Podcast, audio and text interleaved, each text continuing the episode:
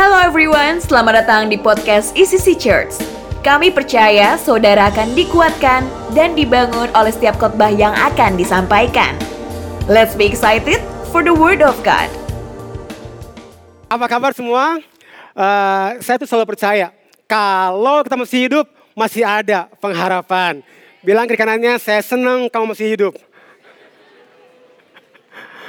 Oke, okay, uh, hari ini hadir bersama dengan kita uh, rekan kerja saya dari uh, Sidoarjo, uh, Fathers, Fathers House ya, Church Community. Ada Pastor Hartono, Pastor Kartika dan tim. Boleh nggak bagi berdiri sekali lagi? Kamu berikan semangat buat mereka. Thank you, thank you, thank you mereka dari dari kemarin lihat the bridge dan dan banyak hal. Thank you for coming. Nah, uh, di bulan Mei ini kita akan kita masih belajar soal purpose dan I hope that semua diberkati dari bulan April dan Mei kita banyak belajar soal purpose dan khusus uh, minggu lalu di uh, Mother's Day uh, Pastor Arlen share hal yang luar biasa tentang fearless. Karena saya tahu uh, bikin hal baik itu nggak gampang. Jadi boleh nggak kita kasih tepuk tangan buat Pastor Arlen luar biasa banget yang kemarin bagian soal fearless. Nah, uh, saya mau cerita, tanggal 27, 28, 29 bulan April kemarin, saya dan tim ada di uh, Atlanta untuk uh, belajar di Orange Conference. Dan tanggal 30-nya kita bangun jam 3 pagi karena kita mau ke Philadelphia. Dan sampai di airport kita biasa ngantri buat check-in. Oh, waktu kita mau check in, pas kita masuk ke ke meja mereka, mereka ngomong gini, e, mesinnya, sistemnya lagi ada trouble, jadi kita disuruh nunggu. Jadi kita nunggu, mundur lagi, kita nunggu, terus dia ngasih kode buat kita check in lagi, terus kita mau check in. Waktu kita check in dan dia ngelihat tiket kita, dia ngomong gini, maaf katanya, kamu nggak bisa check in karena kamu terlambat. Waktu dia dengar ngomong gitu, aku tuh mau emosi. Aku mau komplain. Cuman saya ingat, bahasa Inggris saya itu di bawah rata-rata. Kalau saya komplain, yang ada bukan ngomongnya bahasa Inggris, tapi bahasa roh. Kalau saya ngomong bahasa roh, pasti dia lebih bingung lagi. Jadi saya uh, agak nahan-nahan diri aja. Dan singkat cerita, kita dipindahkan pesawatnya bukan ke Philadelphia, tapi ke Baltimore, which is itu dua jam naik mobil ke Philadelphia, dan berhentinya di Baltimore, dan naiknya jam 3 sore. Jadi saya di airport nunggu dari jam 6 pagi ke jam 3, 9 jam. Selama nunggu cuma satu di pikiran saya, why? Why? Why? Kenapa nggak bangun lebih pagi ya? Why? Kok bisa sih? Pas keantriannya kita Sistemnya rusak. Emang gak ada malaikat Tuhan apa? Why? Why? Why? Setiap kali makan, uh kenapa telat ya why? Penuh-penuh dengan dengan why dan why dan why. Sampai akhirnya jam 3 sore kita ke ke, ke Baltimore. Uh, Hendy jemput dari Philadelphia dua jam ke ke Baltimore. Uh, waktu naik mobil, Hendy udah ngeliat muka saya udah gak enak dilihat. Terus dia ngomong gini, Kak, ini pasti rencana Tuhan kenapa kakak dibawa ke Baltimore bukan ke Philadelphia. Ingat nggak kak? Dari pertama kali kakak datang uh, ke, ke New York, kakak ngomong gini, pengen banget makan nandos, pengen banget makan ayam nandos. Dan kak, nandos itu hanya ada di Baltimore. Boleh tepuk tangan nggak? jawabannya kurang memuaskan. Karena 9 jamnya itu kurang memuaskan. Tapi ya oke okay lah, ya oke okay lah. Sehingga oh, akhirnya Hen, kalau gitu, kalau ini rencana Tuhan. Kita jangan ke Philadelphia, langsung kita makan ayam nandos dulu saya bilang. Jadi kita makan, ini pasti rencana Tuhan, ini pasti rencana Tuhan. Saya saya gak tahu, tapi malam itu I found my why. Saya temukan why-nya saya. That's why hari ini saya mau sharing uh, dengan saya uh, berikan judul, judulnya adalah Find Your Why. Sama setiap kita menemukan apa yang menjadi why-mu. Nah, meski kebanyakan orang gak mengakuinya, tapi pasti ada pertanyaan-pertanyaan penting yang muncul di pikiran dan hatinya untuk memahami arti hidup ini. Dan untuk memahami arti keberadaan hidup, tenggat, Dr. Miles Munro, dia menerangkan dengan uh, lima hal pertanyaan yang selalu muncul di benak dan di hati manusia. Ada who am I, itu yang, yang orang selalu tanya. Tapi saya nggak akan bahas hari ini. Yang saya bahas adalah poin nomor tiga. Why am I here? Purpose. Itu yang dua bulan ini kita bahas. Kenapa saya ada di sini? Jawabannya adalah karena Tuhan pasti punya purpose. Mark Twain katakan the two most important days in your life are the day you are born and the day you find out why. Dua hari, hari penting dalam hidup kita adalah waktu engkau lahir dan hari dimanakan kau menemukan kenapa engkau lahir. The day you find out why. Tragedi kehidupan ketika kita hanya sekedar hidup tanpa mengetahui why kita diciptakan. Setiap kita, apa pun latar belakangmu, posisimu, pencapaianmu, penghasilanmu, apa pun, pasti engkau pernah memikirkan kenapa engkau ada di sini. Karena saya percaya hidup kita gak sekedar lewat. Pasti ada sesuatu. Coba saya akan memberikan beberapa pertanyaan. Saya mau kita, kita jujur supaya jangan ada dusta di antara kita. Apa yang menjadi waimu? Tujuanmu setiap hari kita bangun pagi. Pasti orang ngomong gini, kebanyakan orang kalau ditanya, apa waimu? Saya ingin bahagia. I want be happy, looking good, feeling good, having the goods. Tapi tahu nggak, itu semua gak akan pernah memuaskan setiap kita. Apa yang menjadi waimu setiap kali kita bangun pagi? Ah, saya ingin memiliki lebih banyak uang lagi, memiliki lebih banyak uang lagi, memiliki lebih banyak tabungan lagi. Saya punya target umur sekian, saya mau punya uang berapa M, saya mau punya uang lebih, lebih dan lebih banyak lagi. Tapi saya ngomong gini, uang nggak pernah memberikan kepuasan buat hidup kita. Bahkan gini, uang tidak pernah merubah kita. Tetapi uang dapat menyingkapkan siapa kita yang sebenarnya. Apa yang menjadi waimu hari ini? Untuk engkau bangun setiap pagi. Apa yang membuat hidupmu berarti, efektif, dan memuaskan? Cuma satu. Waktu engkau menemukan waimu. Waktu engkau menemukan tujuan hidupmu. Tujuan hidup adalah tentang why. Mengapa kita diciptakan. Itulah purpose, itulah tujuan hidup. Saya mau share tiga prinsip tujuan hidup. Yang pertama, menemukan tujuan hidup. Kita perlu tahu bahwa semua yang ada di muka bumi ini, semua yang Tuhan ciptakan, Tuhan ciptakan dengan why, dengan sebuah tujuan. Amsal 16 ayat yang keempat. Tuhan membuat segala sesuatu untuk tujuannya masing-masing. Tuhan punya tujuan. Even buat setiap kita tujuannya masing-masing.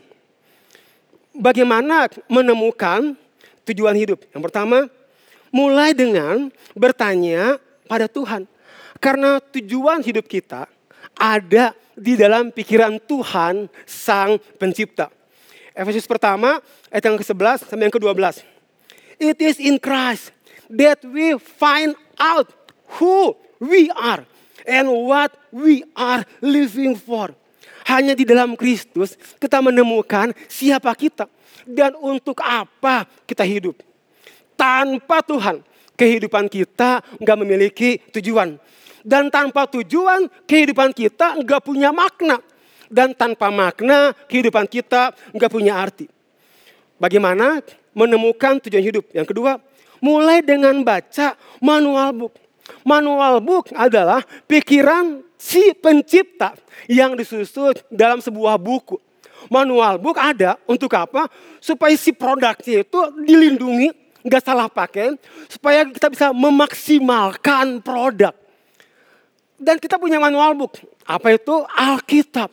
Emang manual book kita lebih gede dari manual book yang lain. Lebih tebal. Kenapa? Karena hidupmu lebih berharga dari yang lain. Dan kau perlu baca manual bookmu. Kalau hari ini engkau stuck, hidupmu gak ke mana-mana, hidupmu di situ aja, mungkin-mungkin karena engkau belum baca buku manual bookmu. Semakin kita memperbaharui pikiran kita dengan manual book kita, firman Tuhan, semakin kita memberikan waktu kita untuk bersekutu dengan Tuhan, semakin kita akan menemukan tujuan Tuhan di dalam hidup kita. Saya lupa sekitar tahun 2002 saya diundang khotbah ke Auckland, New Zealand. Uh, karena besok pagi mau mau retret, saya nyampe malam. Saya bilang jadi saya nginep di, di uh, rumah jemaat. Sebelum tidur, saya masih agak-agak pusing, jet lag juga hari itu. Uh, yang punya rumah begini, Pastor Victor, maaf, besok pagi kami harus uh, ke kantor pagi-pagi. Dan buat Pastor Victor, kami udah belikan pie isi daging babi, enak banget. Uh, Pastor Victor tinggal panaskan dan kopi disiapkan. Saya bilang, iya, iya, iya. Waktu saya bangun pagi, rumahnya udah sepi. Cuma saya ingat ada pie isi daging babi. Saya ke kulkas, saya tuh, you know, saya from Sekeloa. Saya dari Sekeloa, saya nggak pernah mengenal pie. Kalau bandros saya tahu, surabik saya tahu, but what is pie? I don't know. Saya nggak ngerti hari itu. Cuma saya coba lihat di kulkas, ah ada tulisan tuh, pie. Jadi saya ambil, terus saya ingat, panaskan di microwave. You know, saya seumur-umur, saya ng ngelihatnya wajan, penggorengan. Sebelum pernah ngelihat microwave. Cuma saya ingat, panaskan pie-nya di microwave. Jadi saya cari, oh ada kotak. Ah mungkin ini. Jadi saya buka microwave-nya, saya taruh pie yang dingin itu, saya tutup lagi. Saya tungguin, saya tungguin. Berapa lama ya saya lupa ya, saya ingat. Pokoknya masukin ke microwave. Udah saya masukin, saya buka lagi. Pas saya keluarin, kok masih dingin ya? Terus saya bingung, ini benda ini diapain ya? Saya lihat, saya pegang-pegang. Gak ada yang ngomong hari itu. Even Rokus gak ngomong juga hari itu. Jadi you know what? Pagi itu, karena udah lapar banget. Saya makan pie isi daging babi yang dingin banget. Even gigi saya nggak bisa makan, saya ambil pisau saya potong dulu. Bagi enam, baru dan makannya pun penuh, penuh pergumulan. Makan dikit kopi, makan dikit kopi. Karena dingin banget, rasanya enak banget. Akhirnya hari itu berlalu siang-siangnya Jimmy yang undang saya datang ke rumah itu ngomong gini, Pastor Victor udah sarapan? Udah. Oh sarapan apa? Pai. Cuman Jim, kok painya dingin banget katanya. Ini payahnya dari kulkas, Pastor Victor. Harusnya masukin ke microwave. Udah, tapi nggak ada perubahan, saya bilang. But you know, you know, saya pagi itu, saya mengabuse pie. Abnormal use. Harusnya kan dipanasin dulu taruh di microwave. Cuma karena saya nggak tahu, saya nggak baca manual booknya, saya juga nggak nanya hari itu terjadi penyiksaan pie. Hidupmu akan mengalami hal yang sama. Hidupmu akan abnormal use, bukan ke benda, ke dirimu. Kalau engkau nggak tahu untuk apa Tuhan menciptakanmu. Tetapi kapan dan di mana Tuhan akan mewahyukan tujuannya dalam hidup kita. Yang pertama, ketika sedang berdoa. Yeremia 1 ayat yang keempat dan kelima. Firman Tuhan datang padaku bunyinya. Sebelum aku membentuk engkau dalam rahim ibumu, aku telah mengenal engkau. Sebelum engkau keluar dari kandungan, aku telah menguduskan engkau. Aku telah menetapkan engkau menjadi nabi bagi bangsa-bangsa. Yang pertama, ketika sedang berdoa, firman Tuhan datang. Yang kedua, ketika sedang bekerja. Markus 1 ayat ke-16 dan ke-18. Ketika Yesus sedang berjalan menyusur danau Galilea, ia melihat Simon dan Andreas, saudara Simon. Mereka sedang menebarkan jala di danau. Sebab mereka penjala ikan. Yesus berkata kepada mereka, mari ikutlah aku dan kamu akan kujadikan penjala manusia. Lalu mereka pun segera meninggalkan jalannya dan mengikuti dia. Pekerjaan Simon dan Andreas adalah nelayan yang profesional. Mereka udah punya good life. Tapi hari itu Tuhan Yesus datang menemui, menghampiri Simon dan Andreas. Mereka memberikan respon kepada panggilannya Tuhan. Mereka memberikan respon kepada God's purpose. Mereka meninggalkan jalannya mengikuti Yesus menjadi penjala manusia. Kalau perhatikan dari dua kejadian tadi, Yeremia, Tuhan datang waktu berdoa. Simon dan Andreas, Tuhan datang waktu mereka bekerja sebagai nelayan. Kalau kita lihat dua peristiwa ini ternyata adalah inisiatif Tuhan untuk menghampiri setiap kita dan menyatakan pewahyuannya atas setiap kita. Ternyata itu inisiatifnya Tuhan. Tuhan yang menghampiri Yeremia dalam doa. Tuhan yang menghampiri Simon dan Andreas waktu mereka sedang bekerja. Hari ini saya mau menguatkan setiap kita. Kalau hari ini engkau masih belum tahu tujuan Tuhan dalam hidupmu Engkau masih belum tahu why-mu apa. Engkau masih belum tahu God's purpose in your life. Kerjakan saja apa yang ada di tanganmu. Kerjakan sebaik mungkin apa yang engkau punya. Kerjakan se-excellent mungkin apa yang ada di tanganmu. Dan saya percaya one day Tuhan akan datang menghampirimu. One day Tuhan akan datang menemuimu. Menyatakan His purpose in your life. Tuhan itu melihat raja dalam seorang gembala bernama Daud. Tuhan itu melihat bangsa-bangsa dalam seorang pria mandul bernama Abraham. Tuhan itu melihat pembebas dalam seorang pembunuh bernama Musa. Semoga hari ini Tuhan melihat hal yang besar dalam dirimu lebih besar daripada apa yang dapat engkau lihat. Sayangnya pencipta melihat kita besar. Tapi kadangkala engkau enggak besar melihat dirimu. Hari ini kerjakan apa yang ada di tanganmu. Yang ketiga, prinsip tujuan hidup adalah menghidup. Yang kedua, menghidupi tujuan hidup. Keberhasilan dalam hidup dimulai dengan sebuah perenungan. Mengapa kita mengerjakan apa yang kita kerjakan? Mengapa keberhasilan dalam hidup perlu dimulai dengan sebuah perenungan? Mengapa kita mengerjakan apa yang kita kerjakan? Sebuah quote dari uh, Rob Waldo Emerson, "The man who knows how will always have a job." Orang yang tahu how, bagaimana, akan selalu punya pekerjaan. The man who knows why will always be his boss. Engkau perlu tahu why dalam hidupmu. Nah, busy belum tentu purposeful. Apakah kita hanya sibuk mengerjakan your job or your work? I hope masih ingat, ini bulan lalu saya share. Your job is what they pay you to do. Sesuatu yang kita kerjakan karena kita digaji. Your job give you money. But your work is what you were born to do. Sesuatu yang kita kerjakan karena emang kita dilahirkan buat itu. Your job give you money. But your work kasih kamu kepuasan, kepenuhan. Istri saya dia punya job adalah financial consultant. But her work adalah membangun manusia seutuhnya. Saya, kita lagi lain satu, satu couple, saya udah nyerah. Saya bilang, saya kamu dia yang layani ya. Dan kadang hari minggu kemarin dia uh, Zoom. Terus saya kemarin Kamis dengar dia Zoom lagi berjam-jam. Saya tanya, saya kamu tuh nggak bosen dengerin orang? Kalau saya udah mau, ah, selesai, selesai. Dan, dan, dan, dan cerita lagi, cerita lagi, cerita lagi. But istri saya menyukai her work. My job. My job is a pastor. Di sisi. Puji Tuhan, setiap bulan saya digaji setiap bulan di sisi. But my work adalah, saya harus bacain pelan-pelan. Membangkitkan lebih banyak bapak yang memimpin generasi. That's my work membangkitkan lebih banyak bapak yang memimpin generasi. Your purpose bukan job desk. Your purpose lebih dari tanggung jawab. Uh, apa tanggung jawab istri?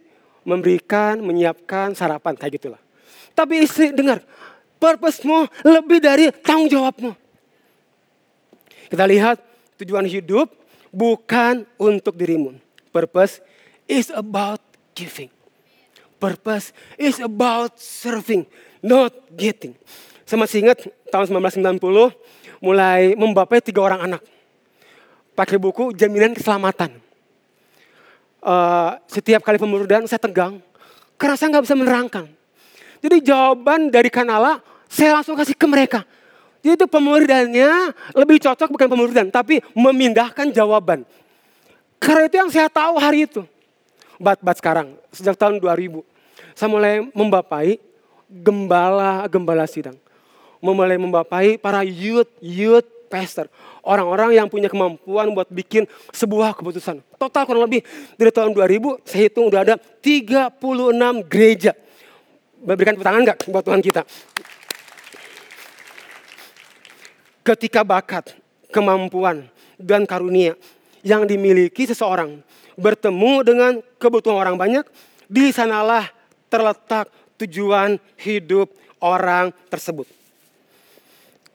Keberhasilan sang pencipta apabila ciptaannya hidup sesuai dengan tujuan penciptanya.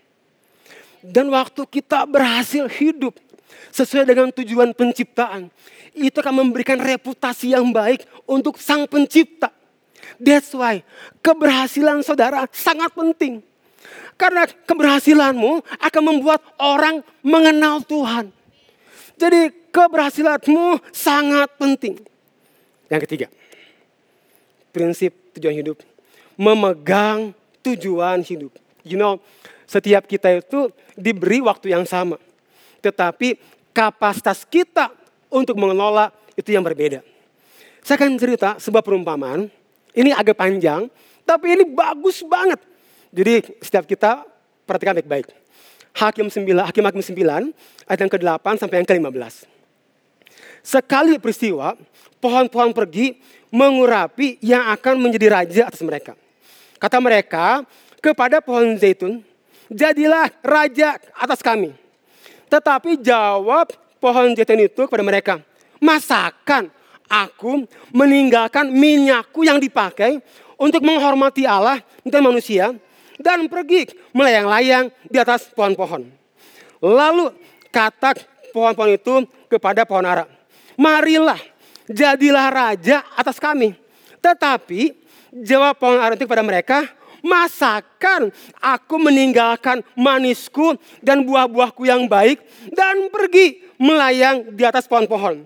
Lalu kata pohon-pohon itu kepada pohon anggur, marilah jadilah raja atas kami. Tetapi jawab pohon anggur itu kepada mereka, masakan aku meninggalkan uh, air buah anggurku yang menyukakan hati Allah dan manusia dan pergi melayang-layang di atas pohon-pohon. Lalu kata segala pohon itu kepada semak duri, marilah jadilah raja atas kami. Jawab semak duri itu kepada pohon-pohon itu. Jika kamu sungguh-sungguh mau mengurapi aku menjadi raja atas kamu, datanglah berlindunglah di bawah naunganku. Tetapi jika tidak, biarlah api keluar dari semak duri dan memakan habis pohon-pohon aras yang di gunung Libanon. Melalui perumpamaan ini, Tuhan memperingatkan kita tentang tawaran promosi yang akan datang ke dalam hidup kita. Karena enggak semua tawaran promosi datangnya dari Tuhan. Pohon-pohon membujuk pohon zaitun, pohon ara, dan pohon anggur. Dan undangan naik ke tahta. Jadilah raja atas kami. Satu persatu menolak pohon zaitun ingin terus menghasilkan minyak. Pohon ara ingin terus menghasilkan buah ara. Pohon anggur ingin terus menghasilkan air buah anggur. Karena mereka tahu itu yang membuat Tuhan dan manusia disukakan. Mereka menolak harga dari sebuah promosi. Pohon-pohon ini mengerti why-nya. Mengerti mengapa mereka hidup. Mereka memegang tujuan hidup mereka. Saya tahu kok. Saya hidup menghasilkan minyak. Saya tahu kok, saya hidup menghasilkan uh, air anggur. Saya tahu kok, saya hidup menghasilkan buah. Masing-masing mereka tahu untuk apa mereka hidup. 1 Korintus 12 ayat 7. Tiap-tiap orang diberi sesuatu untuk dilakukan yang menunjukkan siapakah Allah itu. Ini yang menjadi motivasi mereka. Kita tidak memelihara motivasi, tetapi motivasi yang memelihara kita. Hanya orang-orang yang memegang tujuan hidup, maka hidupnya akan fokus karena mereka efektif karena hidupnya selektif. Hidupmu hanya akan efektif kalau engkau selektif. Karena enggak semua pintu yang terbuka perlu engkau masuki.